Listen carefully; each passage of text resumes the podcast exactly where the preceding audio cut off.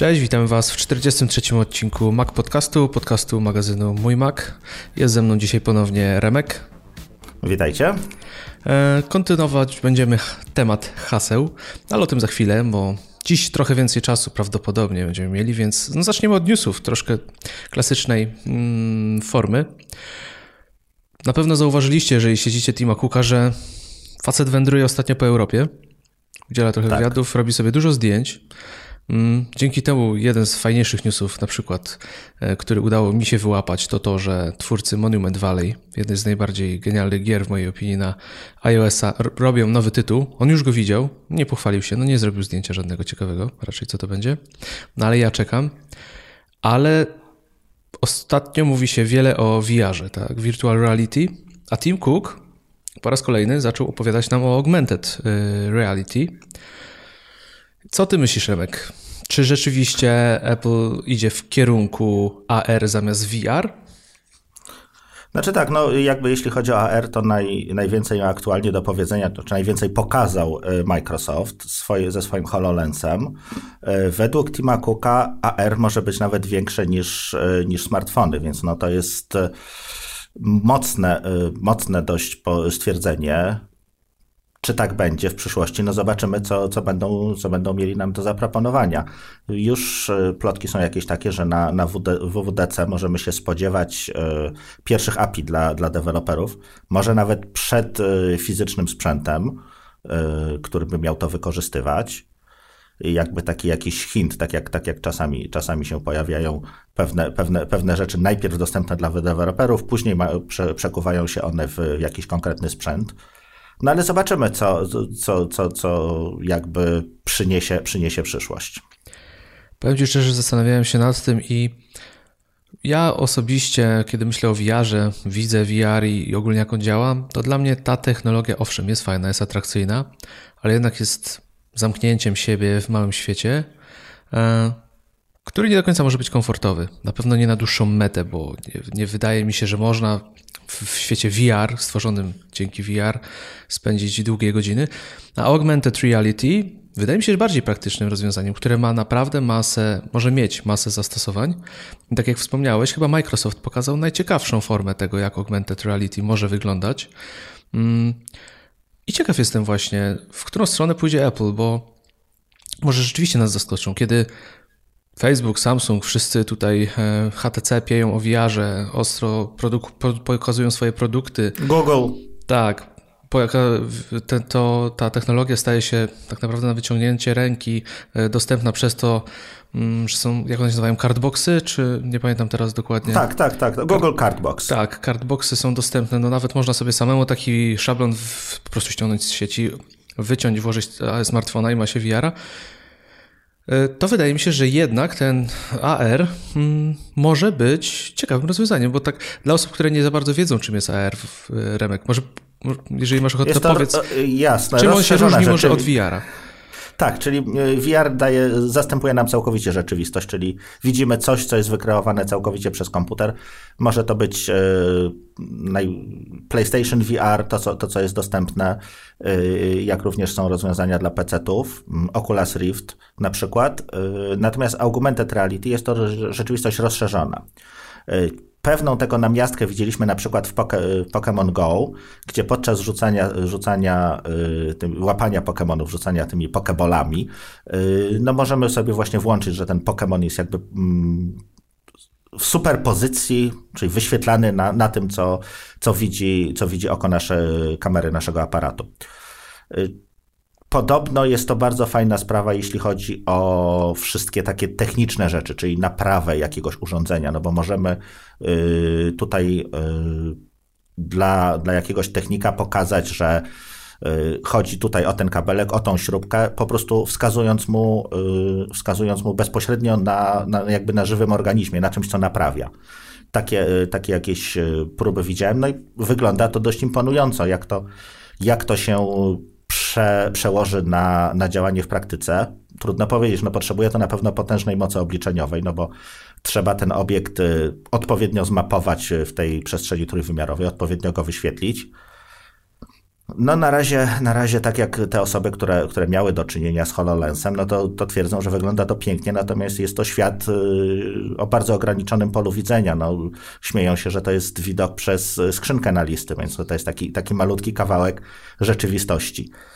No ale no, kto, nie, kto, nie idzie, kto nie idzie dalej, ten stoi, ten stoi w miejscu. Y, kolejne, kolejne jak gdyby mm, technologie Apple stara się jakoś tam inwestować. No nie jest to przypadek, że Tim Cook e, kilka razy już wspominał o tym AR-ze.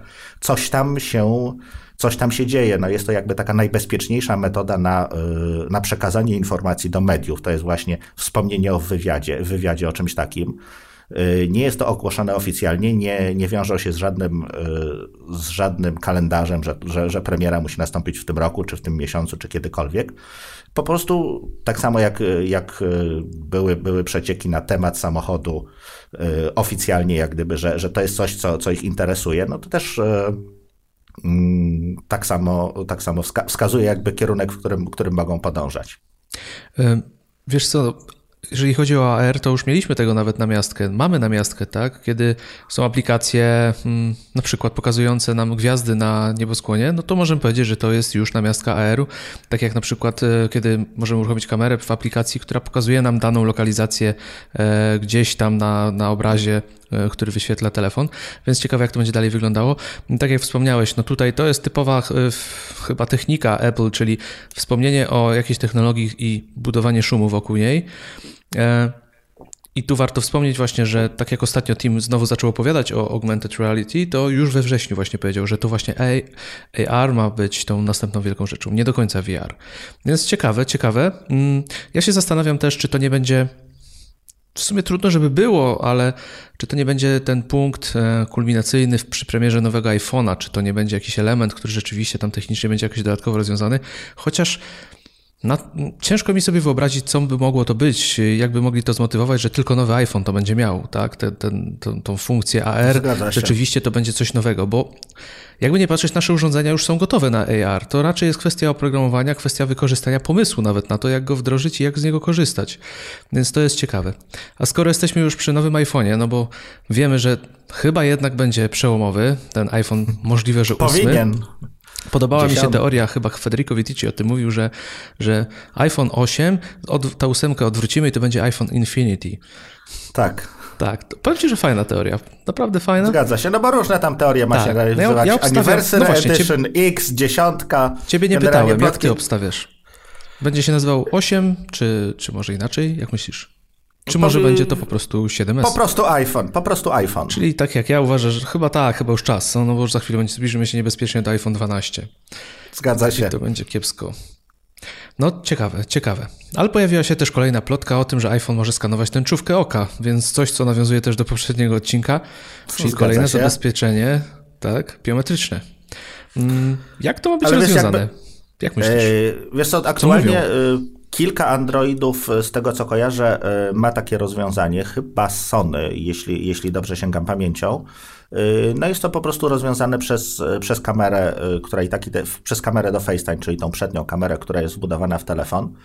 I ona, ona tam skanuje, przy czym aktualne z tego, z, tego, co, z tego, co tam trochę czytałem o tym, no jest to, wiąże się z dużym bólem, no bo trzeba dokładnie trafić, trafić z tym okiem czyli patrzeć w dobre miejsce, mieć dobrze ten telefon w odpowiedniej odległości od, e, od twarzy, żeby on tam złapał ostrość. Nie jest to jakby super, super fantastycznie e, na razie rozwiązane. No, jest to jakby na pewno pole, pole do, do, do jakichś tam innowacji, tak samo jak mieliśmy, przecież od, od wielu lat mieliśmy systemy rozpoznawania e, odcisków palców, natomiast no, Touch ID niby ta sama technologia, natomiast zupełnie nową jakość e, wprowadziła. Jeżeli jesteśmy już w tym temacie, to, jeśli się zastanowimy nad tym, że ten telefon mamy zazwyczaj przy sobie, e, no to możemy ma on masę różnych czujników, tak? E, akcelerometrów, żyroskopów i tak dalej. No to możemy dojść do sytuacji troszeczkę takiej science fiction, co opowiadaliśmy w zeszłym, y, w ostatnim odcinku. Na przykład iPhone może stwierdzić, że ostatnio odblokowaliśmy cię y, kciukiem, y, do tego czasu nosiliśmy go w kieszeni, ani razu nie leżał na mm, na stole, czy, czy, czy nie został odłożony, no bo przecież to też akcelerometr może wiedzieć przeszliśmy ileś tam kroków naszym chodem, więc jesteśmy dalej jego użytkownikiem. No coś takiego jak jest w Apple Watchu, którego yy, nie musimy jakby odblokowywać. Yy, rano ewentualnie odblokujemy go telefonem, tak? Pierwsze, pierwsze odblokowanie telefonu yy, aktywuje zegarek, ewentualnie możemy wprowadzić PIN kod, ale do czasu, kiedy go nie zdejmiemy z ręki, jesteśmy do niego aktywowani. Podobno, podobne jakby rozwiązanie możemy zobaczyć w iPhone'ie bez, bez dodatkowych czujników, po prostu rozwiązane software'owo. No właśnie ciekawe, jak oni to rozwiążą, bo jednak skanowanie tęczówki oka jest dosyć kłopotliwe, no bo możemy patrzeć w innym kierunku, nawet wyciągając telefon z kieszeni, więc no zastanawiające, czy to rzeczywiście trafi do iPhone'a. Pytanie, czy to jest potrzebne? Eee, sam jestem ciekaw, zobaczymy. A jeżeli jesteśmy już przy premierach, e, zbliża się marzec, wszyscy czekają na ten miesiąc, chyba w oczekiwaniu na to, że zobaczymy nowego iPada. A głównie ja przynajmniej jestem ciekaw, czy rzeczywiście sprawdzi, sprawdzi się ta plotka, że, że nowy rozmiar, tak, nastąpi 10,5 cala bodajże, który spowoduje, że na ekranie będą się mieścić, mówiąc to może to taki przenośni, znaczy nie w przenośni, mówiąc, ułatwiając, dwa iPady mini zmieszczą się na ekranie tego iPada 10,5 y, cala. I tutaj pytanie zasadnicze, czy rzeczywiście będzie tak, że e, ten iPad 10,5 cala w wyeliminuje mm, ten mniejszy rozmiar. Ono ma ile? 9,7? 9,7 dokładnie. Tak, 9,7.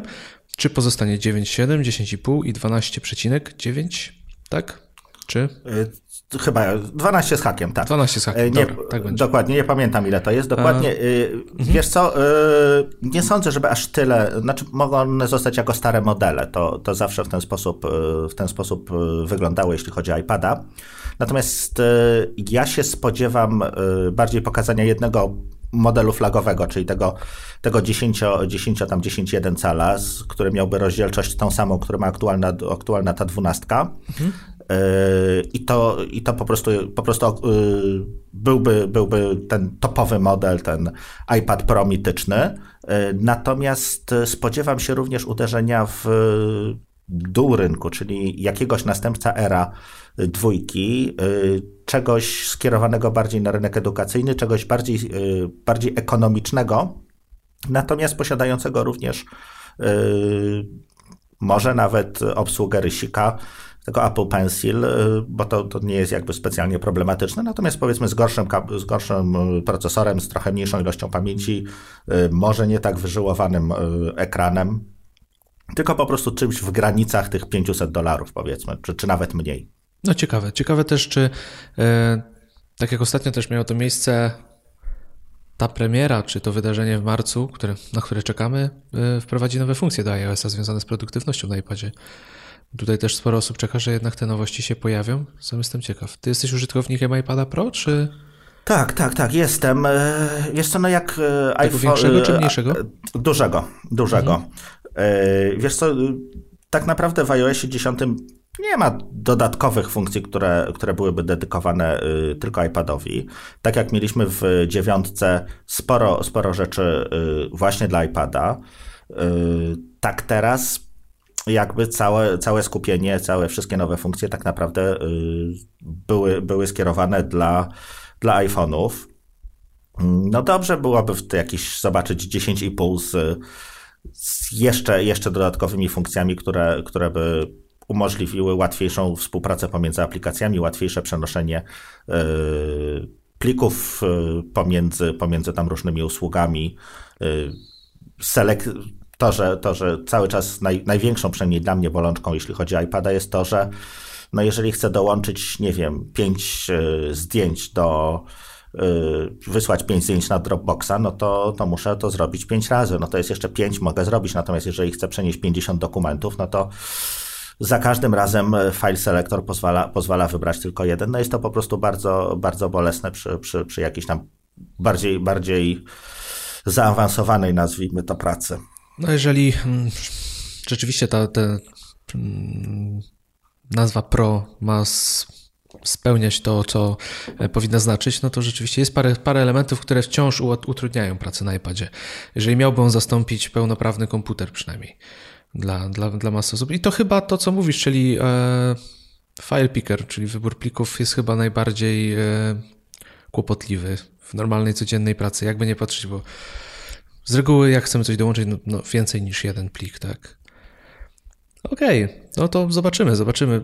Niedługo powinna się pojawić pierwsza zapowiedź. Przecieków na razie nie ma, nikt nic nie mówi o dacie, chyba że coś słyszałeś na ten temat? Nie, nie, nie. Na razie się spekuluje, że to będzie marzec, może kwiecień. No hmm. zobaczymy. No ciekaw jestem, ciekaw jestem. No okej, okay, no jak jesteśmy już przy produktach, jedziemy po kolei, mm, pojawiły się Beats X słuchawki. Tak. Zamawiasz? Y, pojawiły się, co o nich wiem, pojawiły się słuchawki, są różne, kolory, są, są różne kolory, jest ich y, w nich y, wbudowany ten chip W1, czyli to samo co w AirPodsach. Natomiast ja nie jestem a w najmniejszym stopniu fanem Beatsów, jeśli chodzi o słuchawki. Po prostu dla mnie one mają zbyt, zbyt mocno podbity bas. Nie jestem klientem docelowym mogą dla mnie nie istnieć. Nie wiem, jak u ciebie. No dokładnie, mam ten sam problem. Co prawda miałem chwilę słabości, kiedy myślałem o zakupie jakichś bitsów, ze względu właśnie na W1, no bo mhm. rzeczywiście no, fajna jest opcja, kiedy, kiedy one tak fajnie się łączą z telefonem, z iOS-em w ogóle, no ale sygnatura dźwięku zawsze mnie odpychała od tych słuchawek i jakoś jednak przetrwałem. Zresztą mamy teraz takie same słuchawki Bang tak. Olufsen H5 i myślę, że teraz jeszcze w tej sytuacji aktualnej to myślę, że jeszcze bardziej moje uszy zaczęłyby krwawić chyba, jakbym kupił Beats. Chociaż rozumiem, Zgadza że niektórzy się. lubią takie brzmienie i, i, i, nie, i oczywiście nie, nie, wcale tutaj nie mówię, że te słuchawki grają źle, po prostu grają tak, jak ktoś lubi. To jak Zgadza się, po prostu inaczej.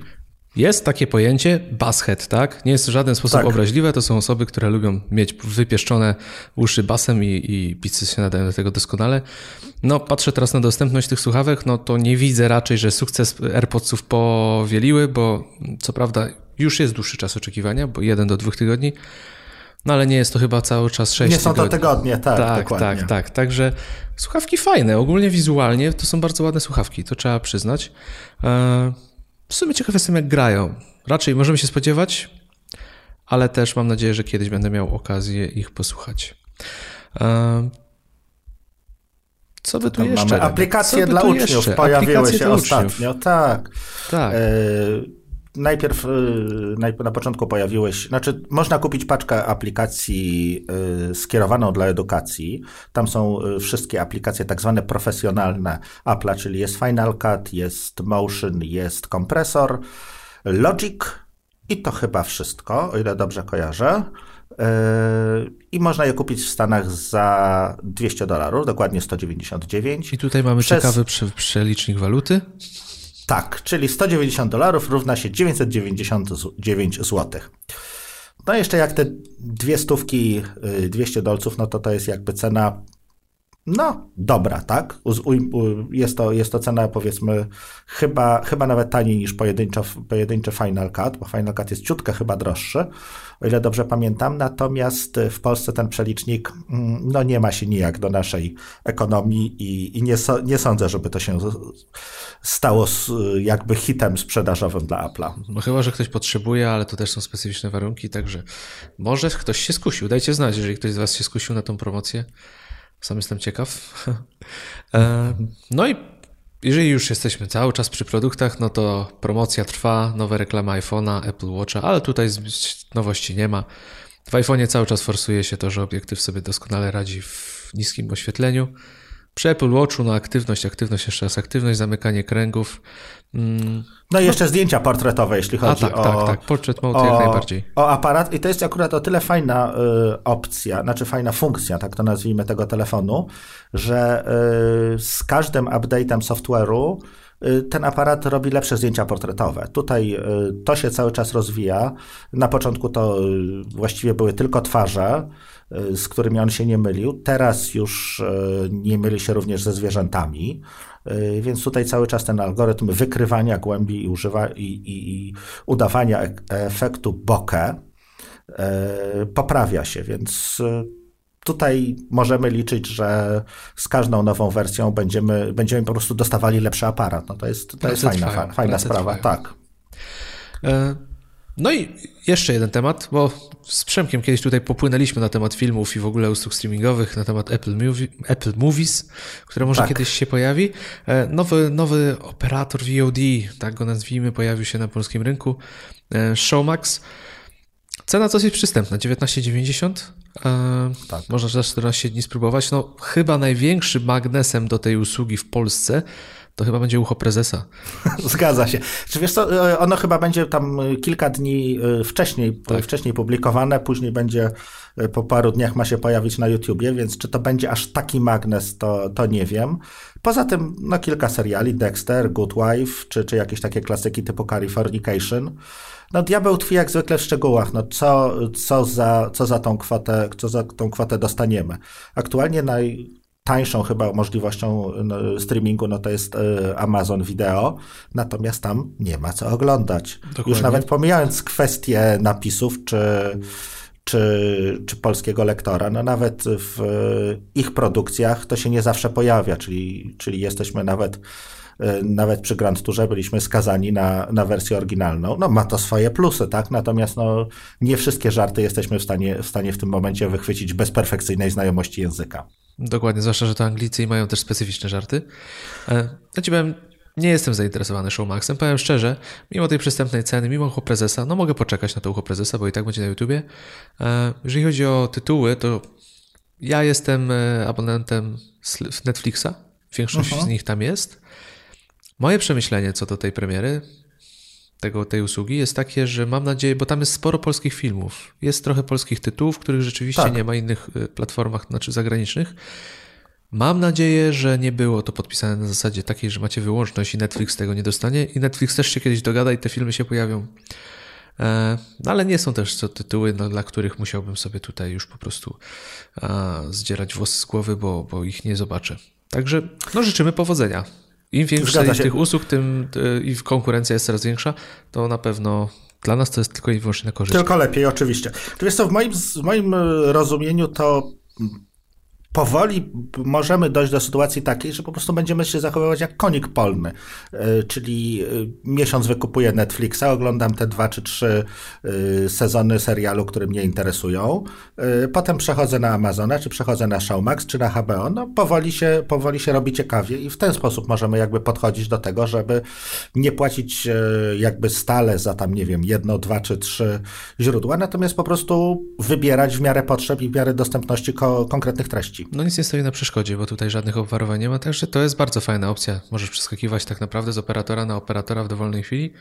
Ja sam się zastanawiam, czy na przykład, bo w Playu, jako że z tym klientem Playa, tam jest możliwość, żeby sobie HBO uruchomić i też pewnie tak. za jakiś czas, jak już na Netflixie, powiedzmy, chociaż nie wiem, kiedy to nastąpi, bo czasu jest trochę za mało, obejrzę to, co chciałem obejrzeć, to może sobie akurat wrzucę HBO, bo też mogę tam na jakiś czas sobie go odpalić. Także no jesteśmy w komfortowej sytuacji. No chyba tak dobrze jeszcze nie było, jeżeli chodzi o to, gdzie, co i jak obejrzeć, także no chyba pozostaje się tylko cieszyć. No i jeszcze, jeżeli jak już jesteśmy też przy filmach, to pojawiły się zwiastuny dwóch premier, które Apple nam tutaj szykuje, o których było dosyć głośno, bo wszyscy chyba czekali na to, co tak. to będzie. No zacznijmy może od tej, która rzeczywiście może być całkiem przyjemna, czyli Carpool Karaoke. Ja tam widziałem metalikę, mi to wystarczy, ja czekam na ten odcinek. tak, no yy, to ma być chyba puszczane o tyle dziwne, że co, co miesiąc ma być nowy odcinek, więc tak troszkę rzadko bym powiedział. Natomiast no to jest e, tak jak mm, niedaleko jakby z tej zapowiedzi wychodzi, że, że odeszli od oryginalnego Carpur Karaoke. Tam czasami wysiadają z samochodu, no tam się jakby zmieniają osoby, które prowadzą ten samochód, natomiast to dalej będzie e, taka dość przyjemna e, podanie jakiejś tam kwestii części, części muzycznej, trochę, trochę celebrytów się tam pojawia.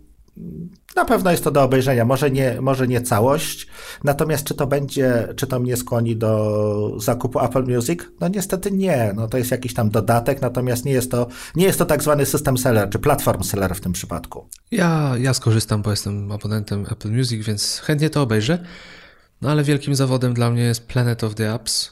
Nie, Planet, tak, Planet of Apps. Planet of the Apps, tak. Albo tak. ja nie doczytałem, albo albo źle przeczytałem, albo po prostu wyobraziłem sobie, że to będzie zupełnie inaczej wyglądać, ale to, co zobaczyłem w oficjalnym zwiastunie, który się ostatnio pojawił, no trochę mnie tutaj po prostu załamał, bo mi się to skojarzyło z tymi programami typu właśnie Dragon's Den bodajże, gdzie przychodzili Shark ludzie z, Tank, tak, tak, tak, z pomysłem.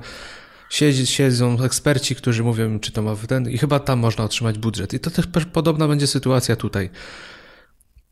Tak, dokładnie. No, znaczy, wiesz co, ja na to patrzę takie... może specyficznie, bo ja bym tam na przykład widział w tej, jeżeli tam ma rzeczywiście być tak, że siedzą jacyś eksperci, to widziałbym tam na przykład Marco Armenta, tak? Czy no innych no tak, a nie Will.i.ama, tak? No. Tak, no ale widać, że my, my chyba większość tutaj naszego towarzystwa bardziej technicznych To nie jest skierowane geeków, do nas, po prostu. My myśleliśmy, że to będzie fajny, fajny program o tym, jak powstają aplikacje, o deweloperach, o procesie, a okazuje się, że to będzie zwykły show rozrywkowe. Zgadza rozumiem, się. czekasz. Nie, nie, nie, nie, nie, nie, zupełnie.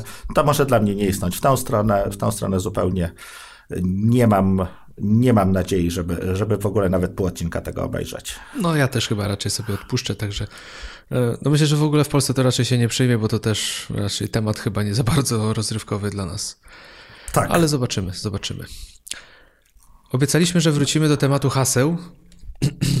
Tak, i zaczniemy może od małej erraty. Tak, tak, tutaj... E, czy tam follow-up, jeżeli będziemy, będziemy się, posłużymy się, e, za ATP pójdziemy, jeśli chodzi o nazewnictwo. Czyli tak. to, co, to, co, to, co jakby popsuliśmy w, w ostatnim odcinku, że ja popsułem. E, pierwsza sprawa, no nie powiedzieliśmy o menedżerach haseł wbudowanych do przeglądarek. Zgadza się. E, I czy warto tego używać? Jak nie ma innej możliwości, to można tego używać. Problem jest taki, że y, o ile w y, Safari y, te hasła zapamiętywane przez przeglądarkę, których też używam czasami, to nie jest tak, że używam tylko One Password, to jest po prostu wygodniejsze, czy na telefonie, czy, czy, czy, czy na iPadzie. Zwłaszcza na hasła się chyba. Dokładnie, które się po prostu automatycznie podpowiadają.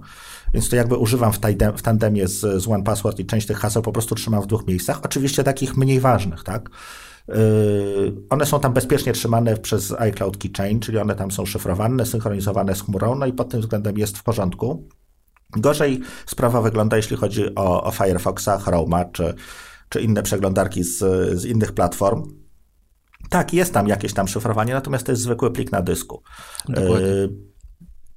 I jeszcze, no dobrze, no, włamanie na, na komputer no, rzadko się zdarza, natomiast jakiś tam, jakiś tam malware czasem się potrafi pojawić i, no, i może mieć do tego dostęp. No, to jest pierwszy, pierwszy, pierwszy duży właściwie minus, coś co, coś, co dyskwalifikuje y, tą technologię w moich oczach. A druga sprawa jest taka, to jest przy okazji przeinstalowywania systemu, bardzo często o tym zapominamy, jeżeli to jest jedyne miejsce, gdzie mamy zapisane te hasła, a zrobiliśmy ten przysłowiowy Windowsowy format C, no to przykro. Dokładnie. Jeżeli chodzi o Safari, no to tak, polecamy, raczej polecamy, mm, bo to jest dość bezpieczne. Wiadomo jest, jak to jest skonstruowane, e, jest to szyfrowane i te hasła są w bezpiecznej formie.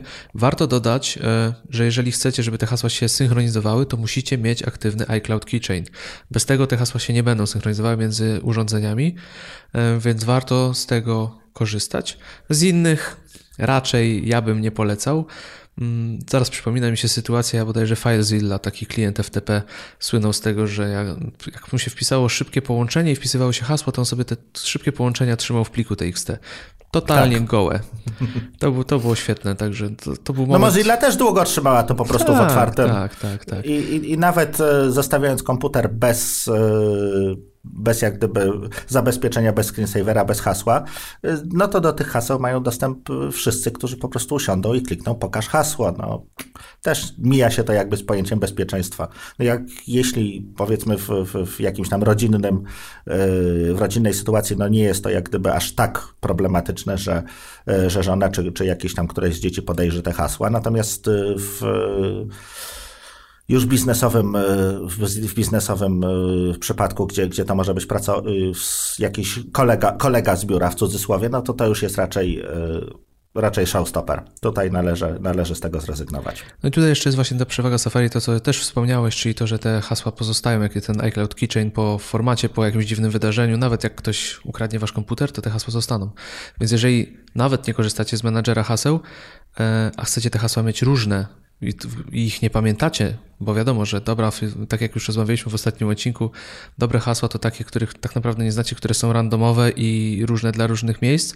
No to w przypadku, kiedy powiedzmy w Firefoxie wyleci wam ten system razem z tym Firefoxem, mm, pozostaniecie bez tych hasełek, no to może sytuacja być kłopotliwa. No bo oczywiście da się dostać, tak, przywrócić hasło przy użyciu maila czy innych rozwiązań, ale no nikt chyba nie chciałby poświęcić na to pół dnia, żeby je przywracać. Zgadza się, no jest to bolesne. Mm, wracając jeszcze do, do naszych tutaj do naszej R-raty. E, Tomasz Gąsecki, tutaj Remek, coś miał dla ciebie jakąś tak, no informację? Tak, no wytknął mi, oczywiście po, pomyliłem e, tęczówkę za źrenicą. E, no tak to jest, jak się stara, stara tłumaczyć z angielskiego. I oczywiście nie chodziło o akomodację, bo akomodacja chodzi, jest to jest to Zmiana, y, zmiana jakby ostrości oka, a, a, chodziło po prostu o zwykłe zwiększenie czy zwiększenie źrenicy y, spowodowane jasnością. No Tomek, dzięki, że słuchasz nas tak wnikliwie. No, powiem ci tak, Tomek, jeżeli nas słuchasz, Remek słynął z tego, że zawsze lubił wytykać błędy w innych podcastach. Oj tak. On zawsze Więc na Twitterze... teraz bije się w pierś. Krótko po premierze już od razu był ten lista y, rzeczy, które powinny być poprawione, więc ja naprawdę z uśmiechem na twarzy przeczytałem twojego tweeta. I no Jaromir no, mnie z tego powodu kiedyś nie lubił. To mieczem wojuje i od miecza ginie, Remek, jak to kiedyś powiedziałem. Wiem. I kolejna rzecz. Ale bardzo dobrze. Tutaj pojawiło się, pojawiło się pytanie e, o YubiKey. Dobrze, że to czytam? Chyba tak, YubiKey. Tak, YubiKey, YubiKey. E, ty kiedyś wspominałeś, bodajże w odcinku o MacBooku Pro, o tym, że właśnie YubiKey używasz. Powiedz coś więcej, bo to jest naprawdę to jest ciekawe rozwiązanie i może ktoś być zainteresowany. Jasne. E, jest to taki YubiKey sprzedawany przez firmę Yubico. E, jest to taki klucz, który wygląda jak pendrive. On ma na sobie e, jeden, jeden przycisk e, i służy, znaczy jest rozpoznawany w systemie jak najnormalniejszy w świecie pendrive. Znaczy nie pendrive, tylko klawiatura, przepraszam. I ta klawiatura pozwala nam po wciśnięciu tego magicznego przycisku, on ma tam ma dwie, dwie funkcje, krótką i długą, czyli możemy mieć tam jakby dwie, dwie funkcje zaszycie, wpisanie naszego hasła.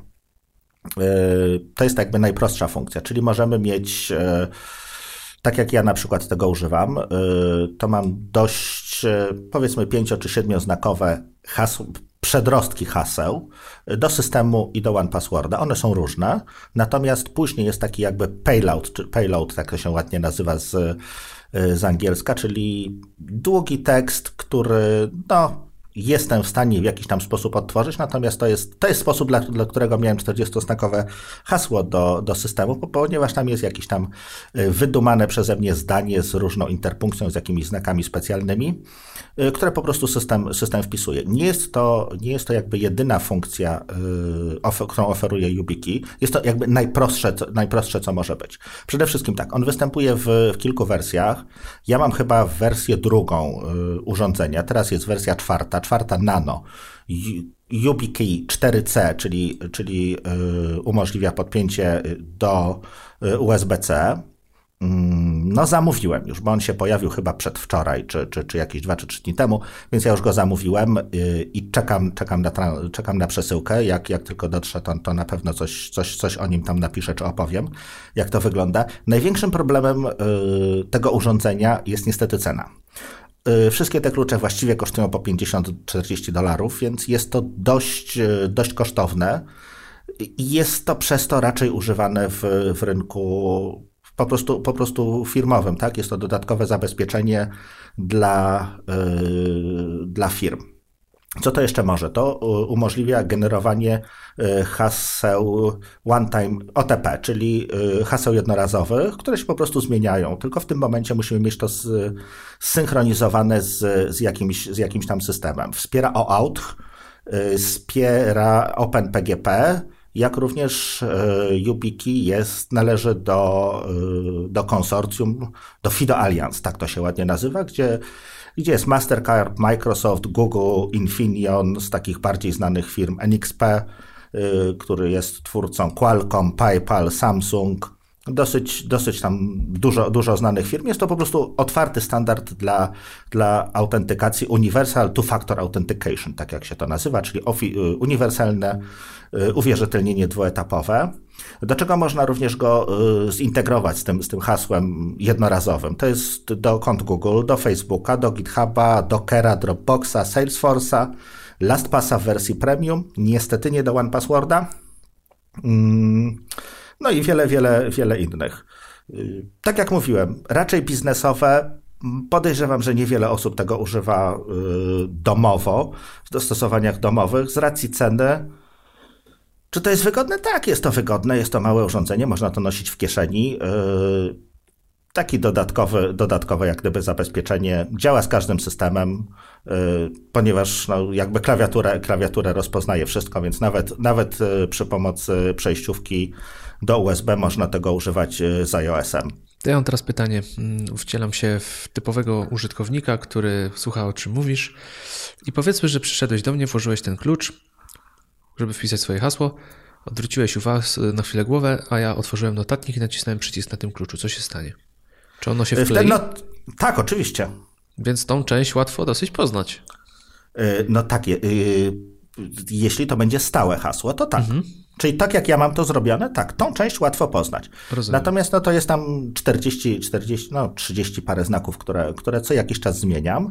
Yy, I jak również co jakiś czas zmieniam ten przedrostek, który, który wpisuję normalnie z ręki z klawiatury. Yy, I to jest tylko i wyłącznie, jeżeli używa, używasz tego w tej najprostszej, najprostszej funkcji, kiedy po prostu generuje on stałe hasło.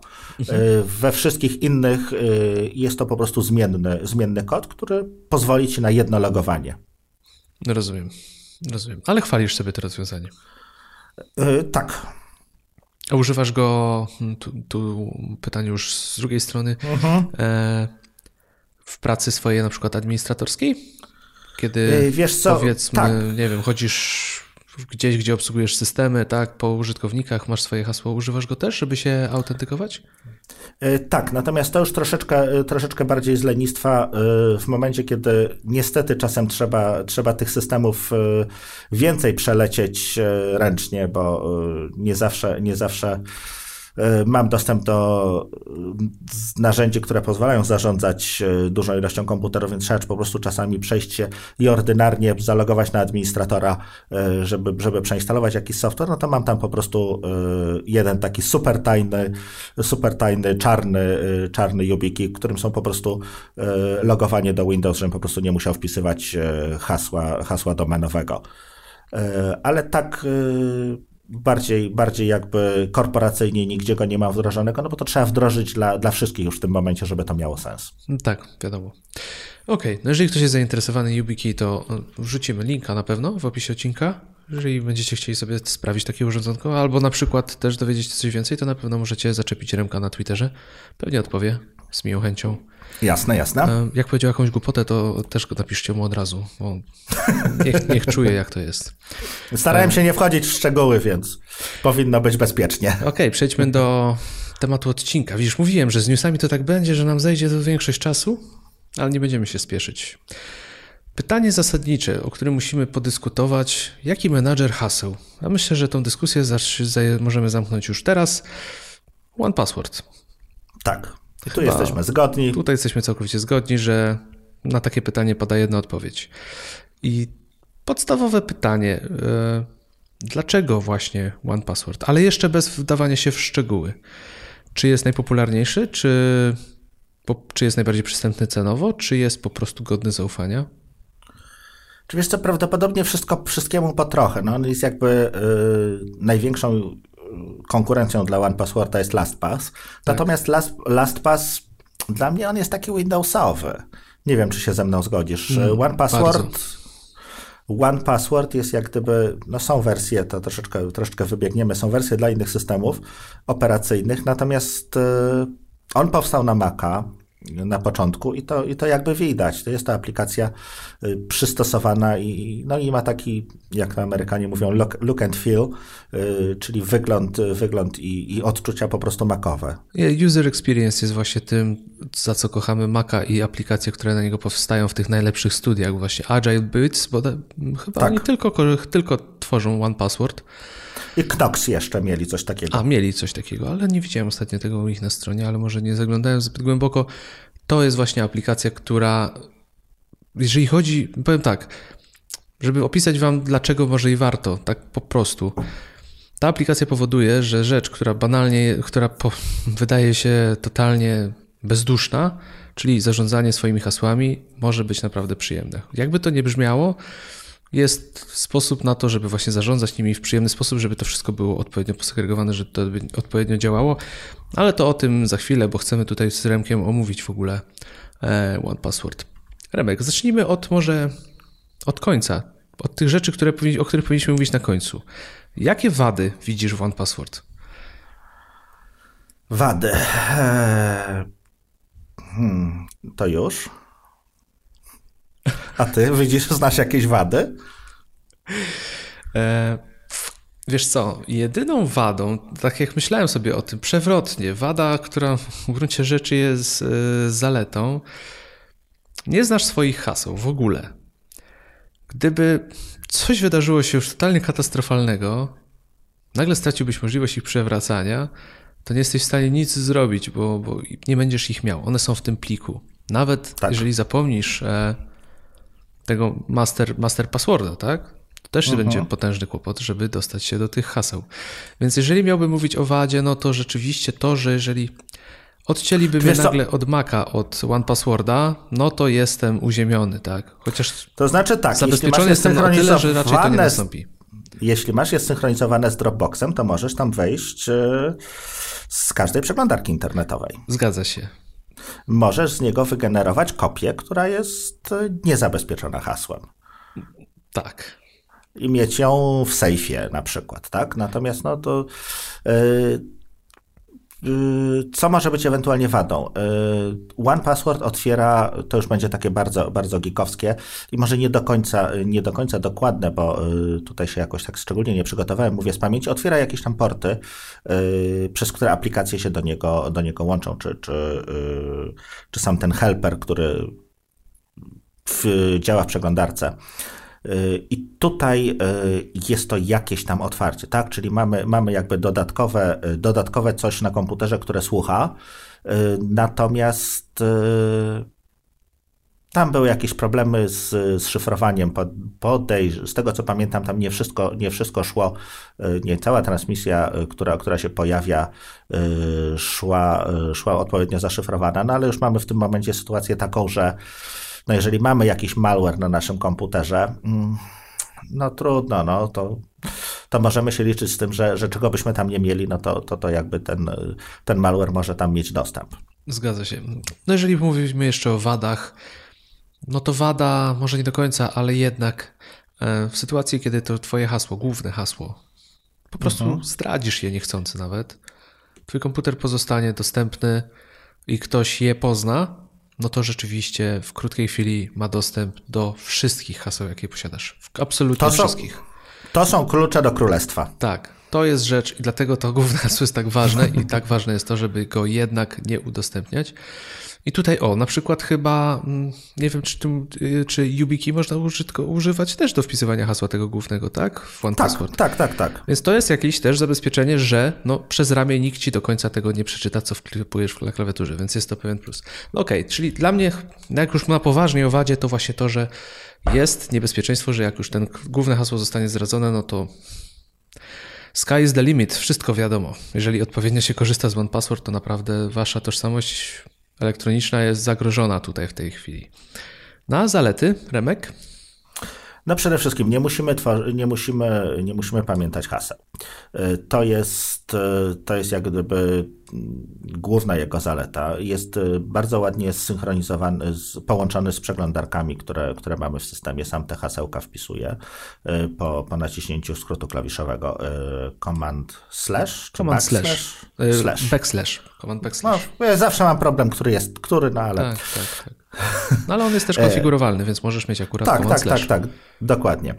E, pozwala jakby wpisać, wpisać te hasła, pozwala wpisać e, nie tylko hasła, jak również e, dane identyfikacyjne, czyli możemy sobie wpisać, spisać swój adres, swoje imię, nazwisko, czy, czy, czy, czy nazwę firmy, jeżeli takową posiadamy. Tworzyć kilka, kilka nawet swoich tożsamości i, i, i je wypełniać jak gdyby Y, automatycznie. Mm, pozwala wypełnić również numer karty kredytowej y, i tam trzymać. O właśnie pytanie do ciebie. Trzymasz karty kredytowe w OnePassword? Trzymam. A widzisz, a ja tylko wirtualną. Jedną trzymam, ale jedną. Z lenistwa po prostu. Nie chce mi się uzupełniać danych. Dokładnie. E, miałem wirtualną, ale w pewnym momencie przestałem z niej chyba korzystać i, i, i nie. Ale tak, mam jedną kartę kredytową w OnePassword, bo on fajnie to uzupełnia też na stronie i to jest no, wygodne, po prostu wygodne.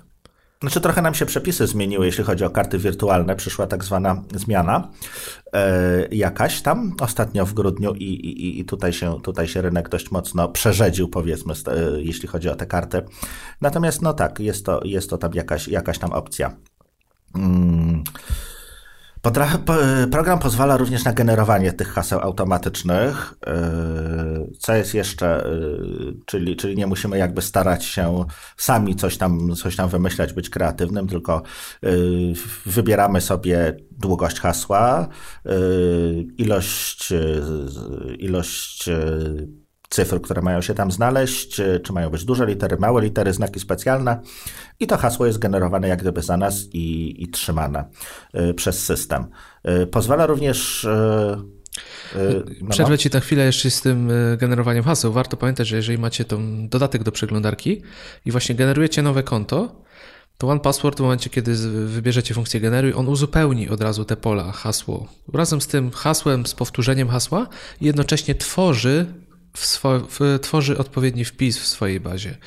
E, bo to jest rzecz kłopotliwa dla niektórych osób, bo, bo często niektórzy twierdzą, że wygenerowałem, wpisało, ale w sumie nie wiem, gdzie to jest. Ale one zawsze w OnePassword są. Wszystkie generowane hasła są zapisywane, także nie ma jakiegoś większego ryzyka, że założycie sobie konta, za chwilę stracicie dostęp od razu do niego. Kontynuuję. Zgadza, zgadza się i nawet jeśli, jeśli wygenerujecie 10 tych haseł, to on wszystkie te 10 po prostu zapamięta. Zgadza się. E, więc tutaj, tutaj nawet jeżeli któreś tam, kont, y, któreś tam hasło system nie przyjmie, bo stwierdzi, że jest za długie, czy, czy, czy za proste, czy cokolwiek, nie, nie, po prostu nie przejdzie tego mechanizmu weryfikacyjnego, to on i tak i tak zapamięta to stare, nie skasuje, więc pod tym względem jest bezpieczny yy, i trzyma, trzyma wszystkie, wszystkie możliwości, wszystkie, wszystkie, wszystko to tam się udało Wam wygenerować. E, co jeszcze z zalet? E, tak jak już mówiliśmy, po, pozwala trzymać loginy, pozwala trzymać tożsamości, hasła, jak również dokumenty, czyli możemy tam sobie y, tworzyć bezpieczne, zabezpieczone tym, tym, tym, tym jednym hasłem pliki tekstowe. Używasz tego? E, tak, używam. Trzymam, trzymam notatki różne właśnie w OnePassword, wrażliwe rzeczy. Tak, mam tam parę takich elementów. Licencje również trzymam, klucze produktów. Tak. Tego typu rzeczy trzymam. No bo ostatecznie no, łatwo jest gdzieś zgubić klucz produktu, a jego aktywacja no, potem może być kłopotliwa, jeżeli ktoś to zrobi nie, nieautoryzowany. Zgadza się. E, tak naprawdę jest cała, cała masa, masa różnych, różnych rzeczy, które tam możemy trzymać. Hasła do Wi-Fi, e, numer ubezpieczenia, hasła do serwerów, różne karty lojalnościowe, nawet nasz, e, nasz paszport jako skan i jako tam dodatkowe dane, różne karty członkowskie, jakieś licencje, outdoor licenses, czyli pewnie jak ktoś jest zapalonym wędkarzem, to może sobie tak. wpisać tam y, licencję. Y, Wszystkie dane jazdy. wrażliwe tak naprawdę. Dokładnie, znaczy, numery kont. Ogólnie możliwości jest tak wiele, że co byście nie wymyślili, co chcecie w tym One Password trzymać bezpiecznie, to znajdziecie na to odpowiednie pole, a jeżeli nie, to nawet zwykła notatka wystarczy, żeby sobie odpowiednie rzeczy dodać. E, tu warto, tak jak tutaj Remek wspomniałeś też o tym, że mm, są różno, różnorodne te wersje tych wszystkich y, danych, które trzymamy to też można dodawać załączniki plikowe. Tak. Gdzie ja na przykład też trzymam certyfikaty, certyfikaty dotyczące na przykład zakupu aplikacji lub różne też wrażliwe rzeczy. Mm, na przykład do zakupu licencji, tak? Taki przykład. Jeżeli macie, kupiliście licencję na aplikację, dostajecie do niego na przykład PDF-a potwierdzającego, certyfikującego tą e, licencję, plus na przykład klucz licencji w pliku. Mhm to na przykład można stworzyć, to wszystko dodać do, te, do, do danego elementu w OnePassword i on to będzie trzymał. On to będzie trzymał w swojej zaszyfrowanej bazie i na pewno będzie to bezpieczniejsze niż przechowywać to gdziekolwiek na dysku. Czy Zgadza gdzieś tam się. gołego, go, w, gołym, w gołej postaci mm, w chmurze. Jeżeli jesteśmy tu przy zaletach, jeszcze się Remek zastanów, no ja tutaj może mhm. trochę dodam. E, no na pewno, tak jak mówiłeś, unikalne hasła, bezpieczny magazyn to podstawa, ale to, co na przykład bardzo lubię, to funkcja Watchtower, którą OnePassword posiada, która też informuje nas o tym, które nasze loginy, które już macie w bazie, które podawaliście, są zagrożone ze względu na to, że pojawiły się jakieś informacje dotyczące włamań czy jakichś zagrożeń bezpieczeństwa. Także mm, Watchtower jak najbardziej jest fajną funkcją. Warto zwrócić na nią uwagę, jeżeli już OnePassword posiadacie i zastosować się do tego, że jeżeli tam jest informacja, że hasło powinno być zmienione, jest zagrożone, to warto je zmienić sobie. Coś jeszcze, Remek, z zalet? No bo tu powoli... Tak, pozwala na przykład y, dosyć łatwo znaleźć serwisy, gdzie mamy to samo hasło, tak. czyli, czyli szuka, szuka duplikatów. Ale to chyba też jest właśnie zawarte w tym całym mechanizmie Watchtower, nie tylko właśnie te alerty bezpieczeństwa, ale właśnie powtórzone hasła, No bo tak, to może, to może jeszcze wyjaśnijmy, co to, co to jest Watchtower. Jeżeli jakiś, jakiś serwis y, zostanie skompromitowany, czyli tam ktoś się do niego włamie, y, to panowie z Agile Beats trzymają jakby taką dane, taką bazę tych, tych, tych tych serwisów. Jeżeli posiadamy tam jakieś konto, to sugerują jego zmianę. Y, można też y, przesortować czy wybrać sobie hasła, które są starsze niż, nie wiem, rok czy, czy pół roku i po prostu co, co jakiś czas y, je zmieniać. Przyznam się szczerze, nie zmieniam tego bardzo często, natomiast w momencie, w momencie jak był na przykład, nie wiem, chyba rok czy dwa lata temu taka słynna dziura w SSL-u, tak naprawdę wszyscy no. byli narażeni, no to usiadłem sobie któregoś pięknego wieczoru, czy nawet dwóch i po prostu przeleciałem wszystkie hasła, wszystkie serwisy, przeresetowałem hasła i, i jakby mam, mam w, tym momencie, w tym momencie spokój. Y, po jakimś tam czasie, po jakimś miesiącu czy dwóch wróciłem jeszcze do, do tych, gdzie po prostu Watchtower wytknął, że yy, przepraszam, ten deweloper jeszcze nie, nie, nie, zda, nie zdążył za, załatać tego Heartbleeda, który, którego miało SSL. Mm, I powtórzyłem tą, powtórzyłem tą operację. Yy, to teraz może jeszcze pytanie do ciebie. A jak często ty zmieniasz hasło do OnePassworda? Do OnePassworda? Raz w miesiącu tak. sobie zmieniam hasło, szczerze ci powiem. O, to jesteś tutaj bardziej ambitny ode mnie. Ja zmieniam dwa razy w roku i tutaj mam metodę y, zaczerpniętą od y, Davida Sparksa, czyli za każdym razem, kiedy przestawiamy godzinę y, w zegarku, ja po prostu zmieniam hasła. Fajna metoda. To jest ciekawe. Wiesz co, ja jakoś, ja zmieniam hasła w ogóle w wielu miejscach co miesiąc. Mhm. Tak, tak po prostu muszę to robić. I z przyzwyczajenia w OnePassword też zmieniam. Nie jest to dla mnie jakiś większy problem.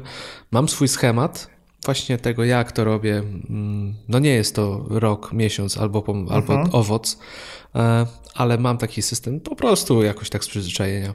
I czuję się przez to bezpieczniejszy, ale wydaje mi się, że raz w roku też by wystarczyło, jeżeli jest to odpowiednio bezpieczne hasło.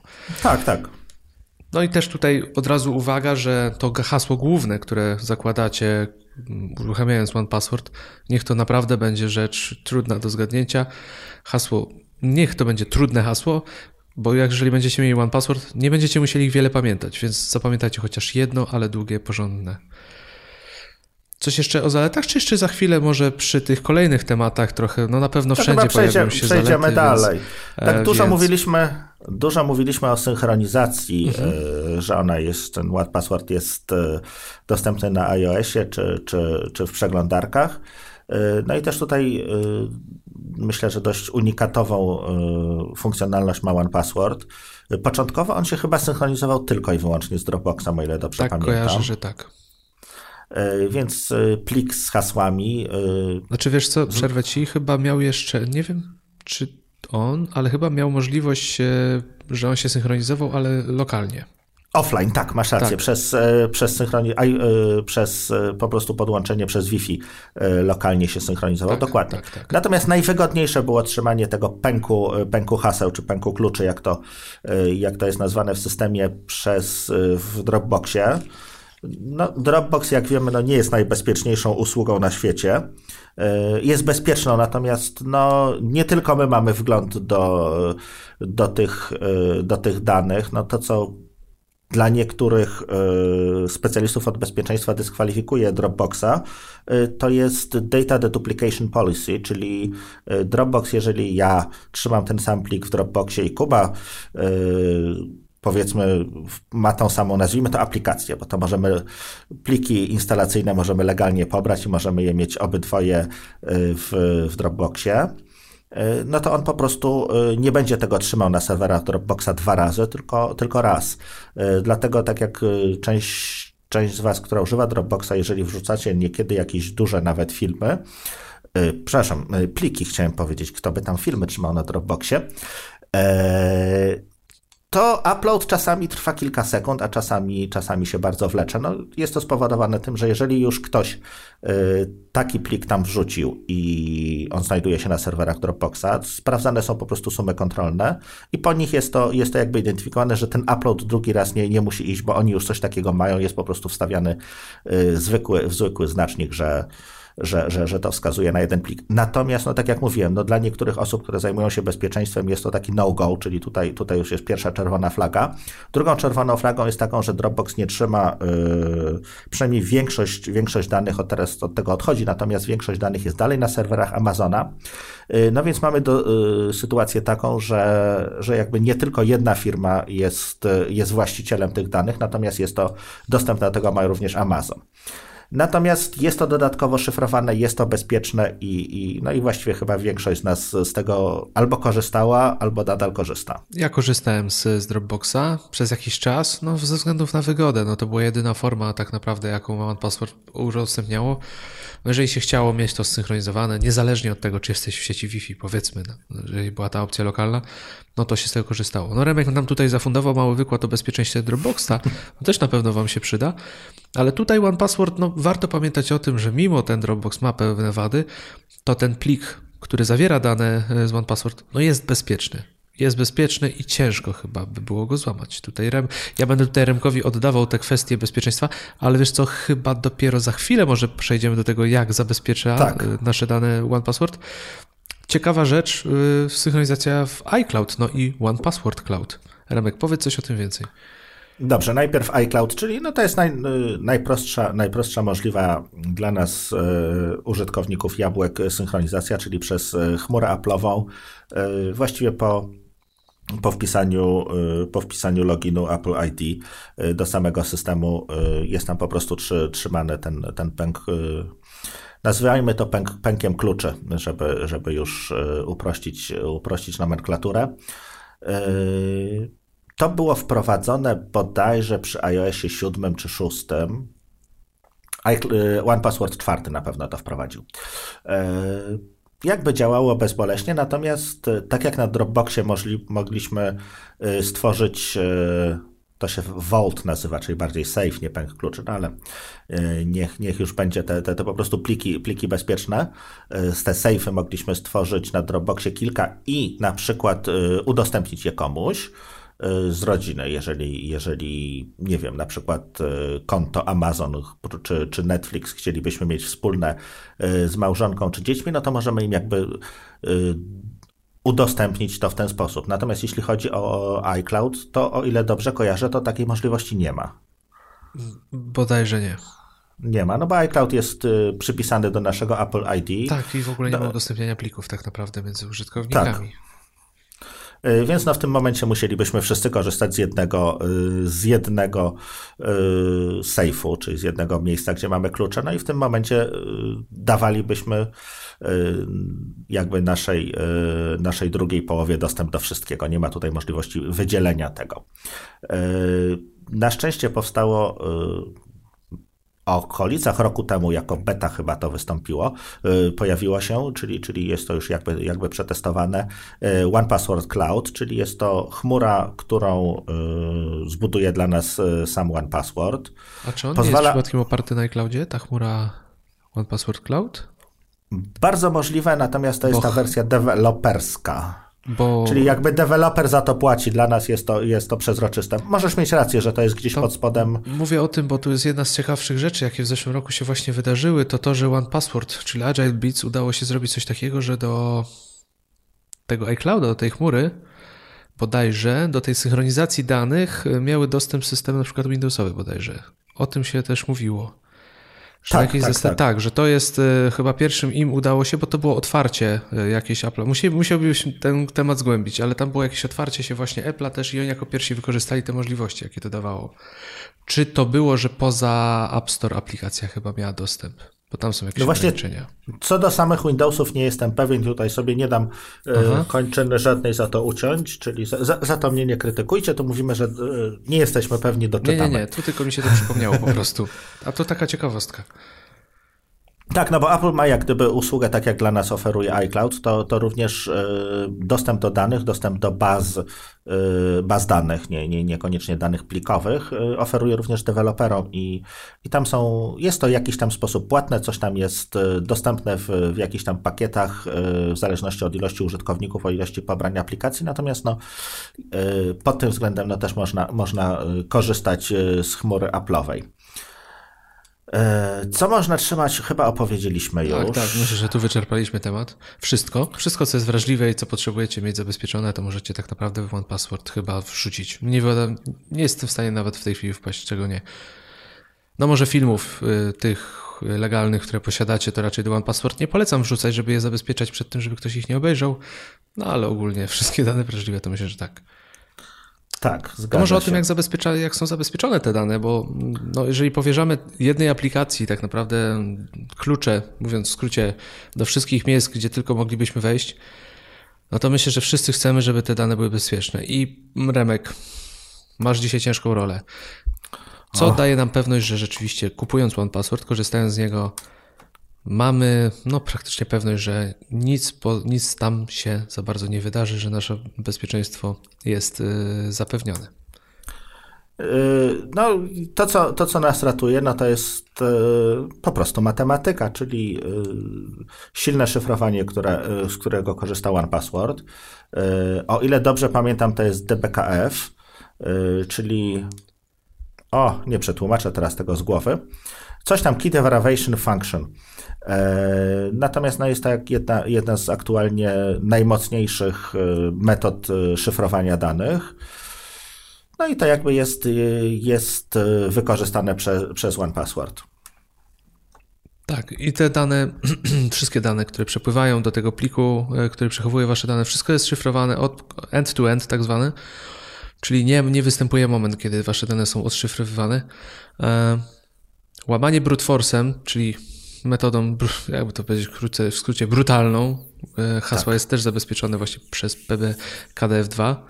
Dalej nie będę już mówił tej całej nazwy, bo się pogubicie, ale, ale ogólnie chyba nie ma co tutaj opowiadać za bardzo o tych wszystkich technologiach, bo to jest temat też na co najmniej trzy odcinki podcastu, ale, ale to szyfrowanie zabezpiecza wszystko i, i tutaj chyba nie było przypadków, żeby ktoś zarzucił Agile Beats, że czegoś nie dopilnowali. Tak, no tam jest jeszcze AS256 z takich, z takich klasycznych, znanych, znanych gdzie indziej yy, szyfrowań. Yy, konto, yy, jeżeli używamy tego, tego cloudu one-passwordowego, to jest 128-bitowy identyfikator unikalny, więc tutaj też jest y, dość duża, mm, dość duże, dość duże bezpieczeństwo. Mm. No i to jakby tyle, co, co, co, co możemy powiedzieć e, bez, bez jakiegoś wnikania w, w HMAC jeszcze jest. O, na przykład, to jest też, e, to jest też dość, e, dość silne, jeśli chodzi o co chodzi w, generalnie w dobrym szyfrowaniu. To może nie wnikając w szczegóły, żeby, żeby złamać hasło tą metodą, tak jak Kuba powiedziałeś, brute force, możemy no, zaprząć jeden komputer, zaprząć kartę graficzną i i to robić, czy, czy, czy tak jak jest e, ostatnio, ostatnio jakiś czas temu były popularne e, koparki do, do bitcoinów, czyli, czyli urządzenia, które bardzo szybko potrafiły e, tą kryptografię, która tam była zastosowana, mm, przeliczać. No to później się to za, bardzo ładnie zaadoptowało do, do łamania haseł. Natomiast dobrze teraz, dobrze stworzony algorytm nie pozwala na y, uruchomienie y, zgadywania tego hasła w równolegle, tak? Czyli, czyli jest to jakiś tam algorytm, którego nie możemy zwielokrotnić, czyli przyspieszyć poprzez dodawanie kolejnych jakby rdzeni procesora czy, czy, czy wątków w karcie graficznej. Jest ograniczona drugiej... liczba prób, nie? Też, natomiast żeby, żeby przejść z punktu A do B, nie możemy, musimy Y, mamy, nie wiem, 200, 200 kombinacji, które możemy zrobić, nie możemy ich robić w tym samym czasie, bo jedna jest zależna od drugiej. Z drugiej strony są to tak zwane memory hard problems, czyli żeby tego się nie dało zrobić w, w Siliconie czy, czy, czy, czy w jakimś, na jakiejś tam alterze czy, czy innym układzie programowalnym, to są y, tego typu algorytmy, które potrzebują na przykład, nie wiem, megabajt pamięci i na niej coś sobie wypisują jakieś e, pseudolosowe wartości, czyli coś co, coś, co jest e, pochodną naszego hasła. Później jest to przestawiane, zamieniane e, i, i, i jakby tam mieszane po tym i, na końcu jest tego liczona jakaś tam suma kontrolna. Więc no, to jest dość bezpieczne, bo, no bo wymaga jak gdyby, żeby to rzeczywiście zrobił, zrobił procesor. Co jeszcze, co jeszcze w dobrych algorytmach się, się pojawia, to jest to, że one są odporne jak gdyby czasowo, czyli nie możemy, y, jeśli im szybszy mamy komputer, y, to, czy, czy, czy, czy urządzenie, no to tym więcej, y, tym więcej jakby rund tej, tej kryptografii się, się odbywa. Czyli podsumowując, bezpieczeństwo. Jest bezpiecznie. Zabezpieч- jest, jest to bezpieczne. Naprawdę jest bezpieczne, więc możecie OnePassword e, zaufać. Kolejna rzecz, y, która może interesować potencjalnych użytkowników, dostępność na poszczególnych platformach. Ogólnie wspierane są praktycznie wszystkie najpopularniejsze, tak? Czyli Mac, Windows, iOS, Android. Tak. Korzystałeś z wersji Androidowej lub Windowsowej? Androidowej, nie z Windowsowej, tak. Jak oceniasz ją na tle tej Macowej? Wiesz co, biednie wyglądała poprzednia wersja. Y, to był taki, no, ubogi, ubogo to wyglądało, jeśli znaczy wyglądało po Windowsowemu z jednej strony, a, a, a jeśli chodzi o, yy, o funkcjonalność była, była zachowana. Aktualnie jest nowa wersja, yy, której, z której nie, nie musiałem korzystać. Natomiast jak najbardziej działała, jak najbardziej się synchronizowała. Yy, jeśli chodzi o przeglądarki, wszystkie wtyczki są dostępne. Yy, można w pełni, w pełni używać tego programu. I to jest jedna z największych zalet OnePassword, czyli to, że niezależnie od tego, powiedzmy, na jakiej platformie pracujecie, to może ona się.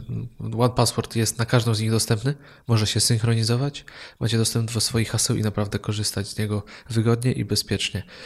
E, kolejna rzecz. Bardziej bym chciał jeszcze tutaj wspomnieć o e, tych dodatkach do przeglądarek, bo to jest chyba jeden z najważniejszych elementów i najbardziej przydatnych, o których nie do końca wiedzą nowi użytkownicy, tak? Bo tam się co prawda pojawi informacja o tym, żeby ten, ten dodatek zainstalować, ale rzecz najważniejsza, to każdy, jeżeli kupicie OnePassword, macie OnePassword, to mega istotne jest to, żeby do Safari, do Firefoxa ten dodatek zainstalować. Ponieważ to on dba o to, żeby przechwytywać wasze hasła, kiedy je wpisujecie na stronach, kiedy się logujecie, kiedy zakładacie nowe konta. On będzie Was prosił o to, żeby odblokować swoją, swoje, swoje One Password, żeby też zapisać dane, możecie je opisać. I to jest rzecz istotna, żeby zacząć z One Password naprawdę intensywnie korzystać, to żeby wszystko to do niego trafiało, wszystkie dane logowania. I to, o czym już Remek wspominał, czyli skrót klawiaturowy, klasycznie bodajże jest to command backslash, ale możecie go sobie przedefiniować, który później już na stronie logowania nie musicie nigdzie sięgać, tylko wystarczy, że z niego skorzystacie i One Password, pod warunkiem, że jest odblokowane. Jeżeli nie, to będziecie musieli po prostu go odblokować. Uzupełni dane logowania i jeszcze najczęściej kliknie za Was przycisk login. E, Remek, chciałbyś coś dodać w kwestii właśnie dodatków? Najczęściej tak, nie zawsze na polskich stronach. E, tutaj niestety czasem, czasem nie potrafi trafić ten, ten submit czy login. Ale rzadko, na przykład Ale rzadko, mi się tak. bardzo rzadko to zdarzało. A to chyba wynika to głównie z tego, czy deweloper dobrze opisał pola, tak? Dokładnie tak. E, dokładnie tak, natomiast zdarzają się tutaj, e, zdarzają się tutaj takie, że po prostu trzeba dodatkowo kliknąć, no problemy pierwszego świata, jeden klik więcej. E, nie powiedzieliśmy jeszcze o, o jednej rzeczy, że Agile Beats dość szybko wprowadza nowe technologie, które pokazuje Apple. O, zdecydowanie byli, tak. Byli bardzo szybko, jeśli chodzi o Apple Watcha. Czy było to specjalnie funkcjonalne? No to jest kwestia dyskusyjna. Natomiast jakieś tam piny, czy, czy te hasła jednorazowe, z których tam możemy korzystać, yy, pojawiają się. Możemy, możemy je synchronizować dodatkowo z zegarkiem. Yy, więc jeśli, jeśli potrzebujemy wpisać, nie wiem, jakiś klucz do, klucz do furtki, którego nie jesteśmy w stanie zapamiętać, no to mamy tutaj bardzo, y, bardzo wygodne, możemy po prostu z zegarka, z zegarka go przepisać. Y, jak również są chyba wydaje mi się, że na razie jedynym y, deweloperem, który wspiera Touch ID w nowych Macach. I to jakby było day one, jak się tylko pojawiły, pojawiły w sprzedaży te, te, te komputery, no to wsparcie dla OnePassworda było, było momentalnie. No tu trzeba przyznać, że deweloperzy Agile Bytes naprawdę działają i, i, wszystko co nowe się pojawia w nowych systemach, czy iOS-a, czy Maca, e, czy na, tak jak mówisz, Mac, nowym MacBooku Pro, to oni to momentalnie wprowadzają. No chyba, że rzeczywiście jest jakiś problem z tym techniczny, który mógłby zachwiać powiedzmy stabilnością aplikacji. Wtedy widać, że się wstrzymują. Ale właśnie ciekaw jestem, czy to jest tak jak mówisz, że oni no na pewno byli jednymi z pierwszych, którzy skorzystali e, z Touch ID w Macu. I to jest tak. rzecz fajna i to mi się podoba. Korzystasz z tego u siebie? Tak. Korzystasz. Korzystam i wiesz co, jest dodatkowa fajna rzecz, której, e, o której jakby się nie mówi. E, on mimo korzystania z Touch ID można wybrać e, co jaki czas żąda normalnego hasła. Jest to od chyba co godzinę do co dwa tygodnie, czyli w najgorszym przypadku, czy, czy, czy, czy, czy najrzadziej, to jest i tak raz na dwa tygodnie będziemy zmuszeni wpisać do niego to hasło. Mhm. I bardzo dobrze to jest metoda na to, żeby to hasło jednak pamiętać. Jak najbardziej. To jest rzecz na pewno fajna. A jeszcze, jeżeli jesteśmy tutaj mm, przy tych dodatkach i wykorzystaniu, to jeszcze jeden skrót klawiaturowy chciałbym polecić nowym użytkownikom zwłaszcza, e, czyli Command Alt, czyli Command Options e, i też backslash, który wywołuje One Password niezależnie gdzie jesteście w systemie. Mówię o macOS. E, tu po wpisaniu hasła możecie wybrać dany login. Ja na przykład często loguję się w ten sposób do banku, że wybieram sobie właśnie Command Options backslash i tutaj wpisujecie sobie nazwę, co Was interesuje, on sobie wyszuka. Mm, ja wpisuję nazwę swojego banku skrótowo i po naciśnięciu Enter otwiera się nowa karta przeglądarki. On się automatycznie uzupełnia dane logowania, klika login. Bardzo wygodne rozwiązanie i naprawdę można korzystać dla wielu stron, na przykład na które często się logujecie, gdzie nie pozostajecie zalogowani dłuższy czas. Także też o tym warto pamiętać, zwłaszcza jeżeli dopiero zaczynacie przygodę e, z OnePassword. Ja ci powiem, że na przykład. Się. Słucham? Zgadza się, potwierdzam. Potwierdzasz. Dobra, Remek potwierdził, czyli nie kłamałem. E, jedziemy dalej. E, jeżeli chodzi o One Password w iOSie. E, mi bardzo się spodobał moment, kiedy mm, pojawiła się możliwość indeksowania zawartości One Password przez Spotlight. Mimo, że w pierwszym momencie no, może wydawać się to odrobinę groźne, tak? Nasze hasła są indeksowane przez telefon w jakikolwiek sposób i łatwo je wyszukać. Powiedz mi, czy ty używasz Spotlight? E, do wyszukiwania e, haseł w iOSie? Nie. Nie. Nie uruchomiłeś tej funkcji? Mam to wyłączone. E, ze względów bezpieczeństwa? Tak. Wiesz co, tak naprawdę na początku mnie przeraziło i nigdy do niej nie wróciłem, więc jeśli masz doświadczenie, to, to, to opowiesz, może, może, się na, może się przekonam, może włączę. Wiesz, tak jak wiemy, znaczy wiemy, co ja mówię, tak jak wiecie, ty też wiesz, no ja lubię na przykład automatyzację i, i samo wyszukiwanie w OnePassword na iOSie też sprowadziłem sobie do tego, że na przykład miałem bodajże Launch, Launch Center Pro aplikację, e, gdzie wybierałem funkcję wyszukiwania. W OnePassword wpisywałem frazę, on mi uruchamiał OnePassword i potem e, musiałem się zalogować i on mi wyszukiwał hasło. Znaczy wyszukiwał mi dane loginy. I Pożegnałem tą funkcję w momencie, kiedy właśnie Spotlight zaczął mieć możliwość sięgania do aplikacji, ponieważ teraz dzięki temu, że, że, że mogę to zrobić, ściągam sobie po prostu, włączam wyszukiwanie iPhone'a, to standardowe ten Spotlight iPhone, iOS-owy, Aha. wpisuję nazwę logowania i on już mi przeszukuje wszystko, co mam w telefonie i znajduje mi tak oznaczone, że One Password jest dane logowania, tak? Tam jest tylko podana nazwa, na przykład, nie wiem, Google kiedy go wybiorę, automatycznie przekierowuje mnie do OnePassword, tam oczywiście przez Touch ID, bo to bardzo wygodne e, się loguje i przeskakuje mi bezpośrednio do e, danego loginu, więc owszem, można sprawdzić jakie konta posiadacie przez Spotlight, tak, szukać sobie, że są, ale samego hasła nie da się dotrzeć, ale na pewno wygodnie po prostu wyszukuje się w ten sposób. Także ja korzystam, też miałem tak jak ty pewne obawy, ale wydaje mi się, że gdyby to było w jakikolwiek sposób niebezpieczne, no to panowie z Agile Beats są na tyle rozsądni, że po prostu nie daliby tej możliwości.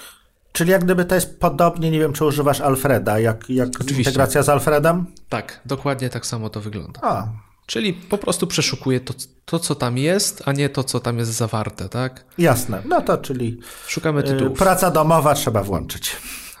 Ale nie, jak wygodne, jesteśmy już, jesteśmy już przy, przy iOSie, to warto wspomnieć również dla y, extensions, czyli dla rozszerzeń, które, które mają różne aplikacje, no bo w iOSie jak gdyby z przeglądarki korzystamy tylko przynajmniej ja korzystam tylko w momencie, kiedy deweloper jak gdyby nie, nie udostępnia natywnej aplikacji do, do obsługi danego, danego programu.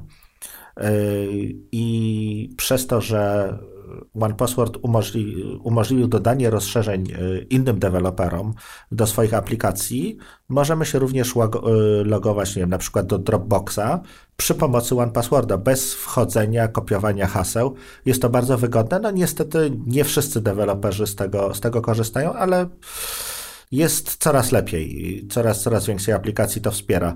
Y, mamy po prostu w, w, miejscu, gdzie, gdzie wpisujemy, wpisujemy hasło do aplikacji, mamy y, małą ikonkę y, One Passworda, która nas przenosi po prostu do aplikacji. Znaczy, nawet nie przenosi do aplikacji, uruchamia ten share sheet, czyli, czyli tak jak w przeglądarce mamy możliwość wpisania, wybrania, wybrania sobie hasła, które chcemy, użytkownika i hasła, które chcemy wpisać. Jest to za nas wpisywane jak tam korzyst... I, i po tym, jak się go uruchomi, też OnePassword wyświetla już propozycję też tego, jaki to Wie, gdzie jest, tak, zgadza się. Tak, tak, wie, gdzie jest.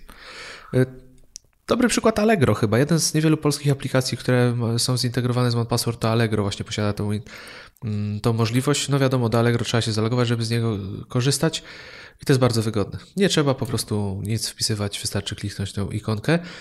I to jest tutaj też ważna rzecz, że e, to, ile aplikacji posiada integrację i w gruncie rzeczy użytkownicy wymuszają też tą integrację, bo chcą, żeby ona była, e, wskazuje na to, jak popularny jest OnePassword, jakie to jest świetne narzędzie i jakie ma zaufanie wśród deweloperów, wśród ludzi, że no chyba nie wiem, czy jakakolwiek inny, jakikolwiek inny menedżer haseł jest w ten sposób rozpowszechniony, że deweloperzy integrują go ze swoją aplikacją. No żaden. Ja Przynajmniej na iOSie. Na iOSie nie. Może, może na Androidzie wygląda sprawa inaczej, tego, tego tutaj nie, nie wiemy, natomiast no jest to też zaufanie ze strony, ze strony samych deweloperów, że yy, jakby dołączają kawałeczek biblioteki One, y, Agile Bats do, do, do swojej aplikacji, czyli no, ufają im, że, że jest to bezpieczne, nie, nie, nie popsuje im to roboty gdzie indziej. No, wydaje mi się, że chyba jedna z najbardziej zaufanych firm w branży. Poza tym świetni ludzie, z tego co da się słyszeć, to naprawdę tam ludzie pracujący w Agile Beats to są, to są świetni fachowcy. No kanadyjska firma, no to, to, no czego to, to, można to, chcieć to, więcej? Wiadomo, no to uśmiechnięci, tak, zawsze radośni, bezproblemowi. E, Okej, okay, no jest, myślę, że mniej więcej omówiliśmy to, czym One Password jest, jak można z niego korzystać. No to wymaga oczywiście praktyki i też pewnego przełamania przyzwyczajeń, bo, nauczyć, trzeba się nauczyć po prostu, że ta aplikacja jest, że ma te nasze hasła i, i to ona powinna je obsługiwać ale to wszystko przed Wami. E, no ostatnio troszeczkę zmieniła się kwestia tego, jak One Password można kupić, bo kiedyś to można było po prostu zamówić aplikację, tak, i to wystarczało. E, w tej chwili pojawiło się kilka e, możliwości. Tak. Mm, ja jestem użytkownikiem, który kiedyś kupił One Password, ma aktualizację, ale nie jest w żadnym abonamencie. Remek, ty masz większe doświadczenie w kwestii tego, jakie są możliwości zakupu. Więc powiedz naszym drogim e, słuchaczom, jak mogą nabyć One Password. E, no i może plusy, minusy. Jasne. Więc tak, e, One Password bodajże od wersji czwartej jest dostępny w Mac App Store. To również była premiera, kiedy, kiedy pojawiła się synchronizacja przez iCloud i, i wtedy była przez chwilę tylko i wyłącznie wersja One Passwordowa przez, przez moment miała, możli miała możliwość korzystania z tej funkcjonalności. No ale to były czasy, kiedy e, iCloud e, powiedzmy nie był kuloodporny, tak e, bądźmy wyrozumiali dla Apple'a, więc mało osób, osób się na to decydowało. Pojawiła się też aplikacja iOS-owa. Ona aktualnie kosztuje, znaczy jest darmowa i ma, ma in-app purchase, czyli możliwość zakupu wewnątrz aplikacji i, i, i to bodajże kosztuje około 10 dolarów, o ile dobrze pamiętam. Yy, poprawisz mnie? Nie, chyba 10 dolarów, 10 euro, tak, tak, tak to mi się wydaje. Yy, przy czym, wiesz co, nie wiem, tak długo jej używam, że nie pamiętam, czy, czy ona co ona jak gdyby odblokowywuje. Na pewno jeśli chodzi o, o Androida jest to też 10 dolarów, natomiast ona się, ta płatność się pojawia w momencie, kiedy trzymamy więcej niż 25 haseł, czy, czy generalnie pozycji w, w tej bazie, w tej bazie tej bazie One Passworda. Wersja na Mac kosztuje 65 euro dolarów, czy tam jakąkolwiek walutę. Ostatnio funt też się, też się zrównał z, z, z, z, innymi walutami, jeśli chodzi o Mac App Store. Brexit się kłania. I tak to wygląda. Są jeszcze, y, przynajmniej były dostępne wersje dla Windowsa, były dostępne również wersje, y, które, które zawierały w sobie zarówno, zarówno klienta, licencję na klienta Windowsowego, jak i, jak i Macowego. Natomiast wydaje mi się, że one niestety wypadły aktualnie. Y, One Password przeszedł na, na, ten, na ten swój cloud i, i oferuje tak naprawdę go w E, w dwóch, w dwóch wersjach jest to e, One Password dla rodzin, który kosztuje miesięcznie 5 dolców i pozwala na użytkowanie, na współdzielenie naszych haseł, czy, czy wybranych części naszych haseł dla pięciu, pięciu osób z rodziny. Jest też wersja dla samotników. Ona kosztuje w tym momencie 3 dolary yy, miesięcznie. Dla indywidualistów, powiedz. Tak, dla indywidualistów. Ale wiesz co, w tym momencie, y, jeśli chodzi o te, te, tych indywidualistów, y, wydaje mi się, że to jest y, jakby bez sensu. W tym momencie lepiej, lepiej kupić pudełko, tą wersję starodawnie, naz kiedyś nazywaną pudełkową, czyli tą z Mac App Store'a, zapłacić raz i cieszyć się, cieszyć się nią przy, przy pomocy synchronizacji iCloud. Występuje też wersja dla firm i tam każda dusza, każdy nasz pracownik e, kosztuje, kosztuje 4 dolce miesięcznie. Oczywiście są tam jakieś e, e, możliwości płacenia za, od razu rocznie za to. No i może troszeczkę opowiem, co, co wnosi ze sobą ten, ten iCloud. Ja korzystam z iCloud for Families i no jestem z niego bardzo, bardzo, bardzo mocno zadowolony. Na, e, dobrze, 4 dolary, bo już mi się. Po, znaczy 3,99, tam wszędzie są jakieś te. Bez, bez jednego centa wszystkie, wszystkie ceny podawałem. E, jeśli chodzi o to, co, co, co uzyskujemy ekstra w momencie przejścia na abonament, e, przede wszystkim możemy wydrukować sobie taką kartę. Jest to jak, jakbyśmy to porównali do, do gry Monopoly, to jest taka karta wyjście z więzienia. Czyli jeżeli zapomnimy naszego hasła, y, no to mamy możliwość y, przez, przez zeskanowanie kodu QR y, odzyskanie jak gdyby dostępu do Y, oczywiście kontakt przez, z Agile Beats, y, tam jest dodatkowe są zabezpieczenia, czyli tam jest, y, trzeba odczekać chyba dzień czy dwa, czy wysyłane są maile potwierdzające, czy, czy, czy żeby w momencie, kiedy ktoś by nam tą kartę wyjścia z więzienia zwędził, to, to jednak nie, nie dostanie się do, do naszych danych. Natomiast to jest bardzo, bardzo fajnie rozwiązane. Te vaulty, te safe'y, możemy tworzyć ich w dowolnej ilości i niezależnie, czy to jest kwestia, czy to jest e, for teams, czy znaczy dla, dla pracowników, dla biznesowa wersja, czy wersja dla rodzin, możemy ich tworzyć sobie dowolnie dużo i dawać e, naszym pracownikom czy naszym członkom naszej, naszej rodziny do nich uprawnienia. Więc ja na przykład mam stworzone to w ten sposób, że współdzielę z trzema osobami z rodziny naszego One Passworda. Każdy z nas ma swoją, swój prywatny vault, czyli swój, swoje, swoje, swój prywatny safe, gdzie, gdzie trzymamy nasze y, hasła, licencje czy, czy inne takie rzeczy. Y, mam również stworzony, stworzony y, Vault, który się nazywa rodzice, czyli to jest współdzielę go z żoną i tam są hasła dostępu powiedzmy na przykład do Librusa, który jest dość popularny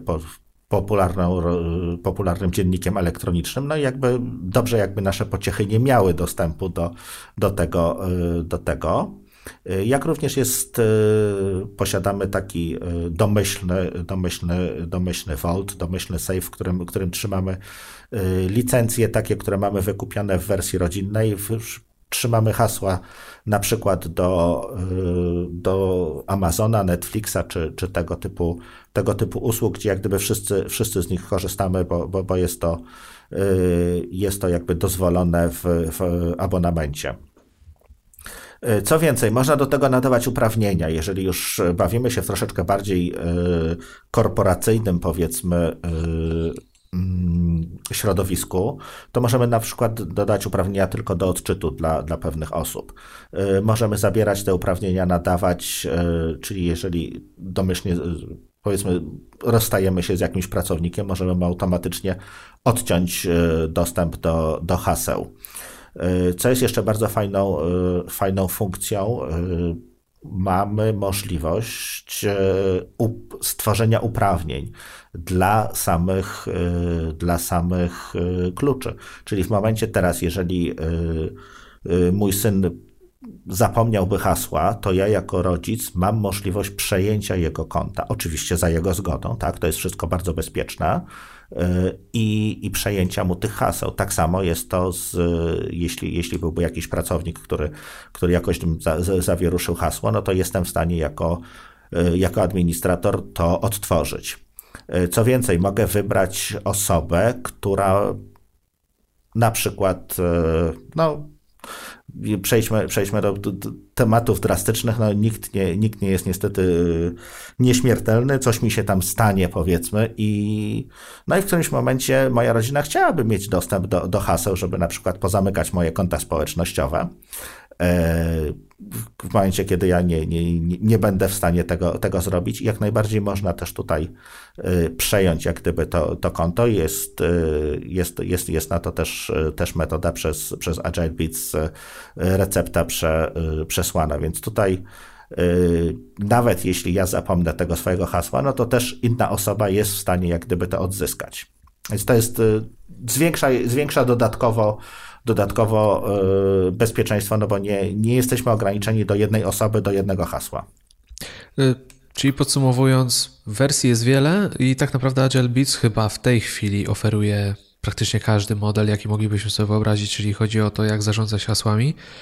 E, no jeżeli jesteście jak to ładnie powiedzieliśmy, indywidualistami lub samotnikami, lub po prostu potrzebujecie korzystać sami z aplikacji, to chyba warto zainteresować się jednorazowym zakupem i mieć po prostu spokój. E, w przypadku, tak. jak chcecie dzielić z rodziną, no to właśnie ta opcja rodzina, jak najbardziej, jak tutaj Remek popowiedział, no wiele jest możliwości i tak naprawdę ciężko chyba wyobrazić sobie scenariusz, którego on nie, które one nie obejmują. No i biznesowa wersja jest bardzo ciekawa. E, jeżeli jesteście w grupie, która musi współdzielić hasła i, i musi być to też odpowiednio e, kontrolowane, no to jest to, jest to opcja bardzo ciekawa. Ciężko to opisać tak naprawdę, Remek, e, jak się o tym opowiada, można ewentualnie o swoich doświadczeniach. No wszystko jest na stronach Agile Beats, więc tam musicie sobie spojrzeć. E, każdy na pewno znajdzie coś dla siebie. No myślę, że opowiedzieliśmy o One Password sporo warto z tego, no nie wiem, posłuchać tego jeszcze raz, e, wyszukać to, co Was interesuje, czego potrzebujecie, spróbować to u siebie wdrożyć. A jak nie będziecie mieli z tym problem, no piszcie do nas. Myślę, że coś tam będziemy myśleli, jak Wam podpowiedzieć. E, Jasne. One Password to jest rewelacyjne narzędzie. Naprawdę warto, warto korzystać z menadżera haseł i tak jak na początku powiedzieliśmy, jeżeli zastanawiacie się nad menedżerem, no to tylko i wyłącznie One Password, przynajmniej w naszej opinii, więc korzystajcie. No i porada tygodnia od razu, tutaj też się pojawiła. E, używajcie menedżera haseł, używajcie One Password, jeżeli Was, mówiąc krótko, stać na to, żeby go kupić albo e, po prostu wypróbować koniecznie. E, aplikacja tygodnia też nie będzie niespodzianki. Oczywiście One Password, czyli odcinek zdominowany przez One Password, mimo że nie zostaliśmy zasponsorowani dzisiaj przez, przez firmę Agile Beats. Aczkolwiek też się specjalnie nie staraliśmy, więc tutaj... Tak, to jest... Ale e, już e, One Password teraz już był jakimś tam sponsorem, tutaj jakiś tam e, kod udało mi się tak, kiedyś były. Były, były tak, tak, tak. No, ja uważam, co, że możemy jeszcze powiedzieć, e, możemy powiedzieć jeszcze o jednej rzeczy, która nam tam gdzieś umknęła, e, jeśli chodzi o One Password, takie może tak. od, razu, e, od razu takie wtrącenie, co, co, co nam wypadło. E, jeśli chodzi o te hasła jedno, two-factor authentication, to tak. również można je zintegrować z One Passwordem. Tak, dokładnie. On je sobie bardzo ładnie generuje. No jest to jakby wkładanie wszystkich, jak to, jak to mówią, e, jajeczek do jednego koszyczka, e, natomiast ja z tego korzystam. To jest po prostu wygodne i, i trzymanie dodatkowej aplikacji, która by generowała te klucze. Jeżeli ktoś się już dostanie do One Passworda, no to jakby i tak już mam przekichane, mówiąc tak delikatnie rzecz, rzecz nazywając, więc tutaj, tutaj również trzymam, y, trzymam te, mm, te hasła pojedyncze. Natomiast też e, w momencie, w momencie ich tworzenia zawsze robię screenshot tego kodu QR i również go zapisuję w OnePassword. Nawet, nawet w, kiedyś jeszcze, jeszcze, kiedy używałem jakichś innych aplikacji, kiedy, kiedy nie, było, nie było wsparcia do, e, do tego two-factor authentication, to i tak, i tak e, te kody zawsze, zawsze mam tam jako po prostu zwykły screenshot, jako plik PNG wrzucony dodatkowo, żeby po prostu następnym razem, nawet jeśli, jeśli byłby jakiś problem z tym, y, y, z tym kluczem, to, to, to mogę go jakoś tam odzyskać. Tak, warto o tym pamiętać właśnie, że ta podwójna autentykacja też jest przez OnePassword wspierana. Kiedyś była bodajże popularna aplikacja, bodajże Auti tak. na iOSie, dużo osób z niej korzystało. No, ja jak tylko OnePassword pojawiła się możliwość, żeby po prostu robić to w tej aplikacji, no mam do niej pełne zaufanie. E, wiem, że tak naprawdę to chyba tylko z mojej głupoty może wyniknąć to, że ktoś się dostanie do, do wnętrza e, albo niesamowitego pecha, więc kończąc, polecamy One Password.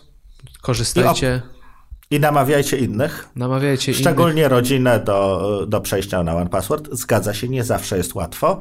E, natomiast jest to, jest to jak, naprawdę, jak najbardziej, jeśli mamy tych haseł więcej niż kilka, a właściwie każdy z nas już teraz ma tych kaseł y, dziesiątki, tak jak ostatnio, ostatnio opowiadaliśmy, nawet setki, y, to warto, warto jak gdyby z tego, z tego korzystać i warto, warto szerzyć dobrą nowinę. I y, jedna ważna rzecz, niech nie przerazi Was ta cena, czy ta możliwość płacenia abonamentu, czy zapłacenia jednorazowo za aplikację, bo to naprawdę są, myślę, że jedne z najlepiej wydanych pieniędzy, jeżeli, jakie wydacie w App Store. Zgadzasz się ze mną, Remek? Zgadza się. E, co jeszcze, co jeszcze się czasem pojawia, jeśli chodzi o One Password? Jeżeli chcielibyście yy, yy, kupić aktualnie abonament, to czasem One Password aktualnie w tej wersji już abonamentowej pojawia się w jakichś paczkach. Pojawia się na przykład czasem na stronie Parallels i tam go można, można zakupić w czy kupując upgrade, czy, czy, czy pełną wersję e, właśnie, właśnie. E, pojawił się również kiedyś na stronie Humble Bundle, e, też tam był za, za kilka dolarów do kupienia, chyba to była licencja Family roczna. Więc szukajcie, jeżeli my na coś takiego trafimy, na pewno będziemy, będziemy informować, no bo jest to ewentualnie możliwość jakby przetestowania, y, czy, czy dłuższego, czy, czy, czy poużywania właśnie tej, y, tej wersji dla, dla rodzin, a myślę, że jak już zaczniecie, zaczniecie się tym bawić, wejdziecie w to, no to no umówmy się, no 60 dolarów rocznie, czy tam 50, bo tam chyba jest jakiś tam, jakiś tam upust przy, przy, przy przy wybraniu rocznego abonamentu, to nie są to aż tak duże pieniądze za bezpieczeństwo. Zgadza się. Także, także też szukajcie, bo właśnie tak jak Remy powiedział, często pojawiają się w promocji. No nic, Remek, kończymy. Myślę, że temat no, może nie wyczerpaliśmy, ale udało nam się większość rzeczy, które, o których chcieliśmy powiedzieć, opowiedzieć, więc e, Zachęcamy jeszcze raz do korzystania z OnePassword i myślę, że na dzisiaj już myślę, że śmiało możemy kończyć. Ostatnio te odcinki w tym roku coś nie możemy się zmieścić w tej jednej godzince standardowej, którą jakoś tam przez cały zeszły rok nam się udawało łap, łapać, ale chyba. No ostatnio prawie nam się udało, no teraz troszeczkę. No prawie, prawie. No dzisiaj już prawie nie bardzo. Nie, już no dzisiaj no nic. tak. Słuchajcie, dzięki, że zostaliście z nami te półtorej godziny. Mówili do Was Kuba Baran i Remek Rychlewski. Trzymajcie się, na razie, do usłyszenia, cześć. Cześć.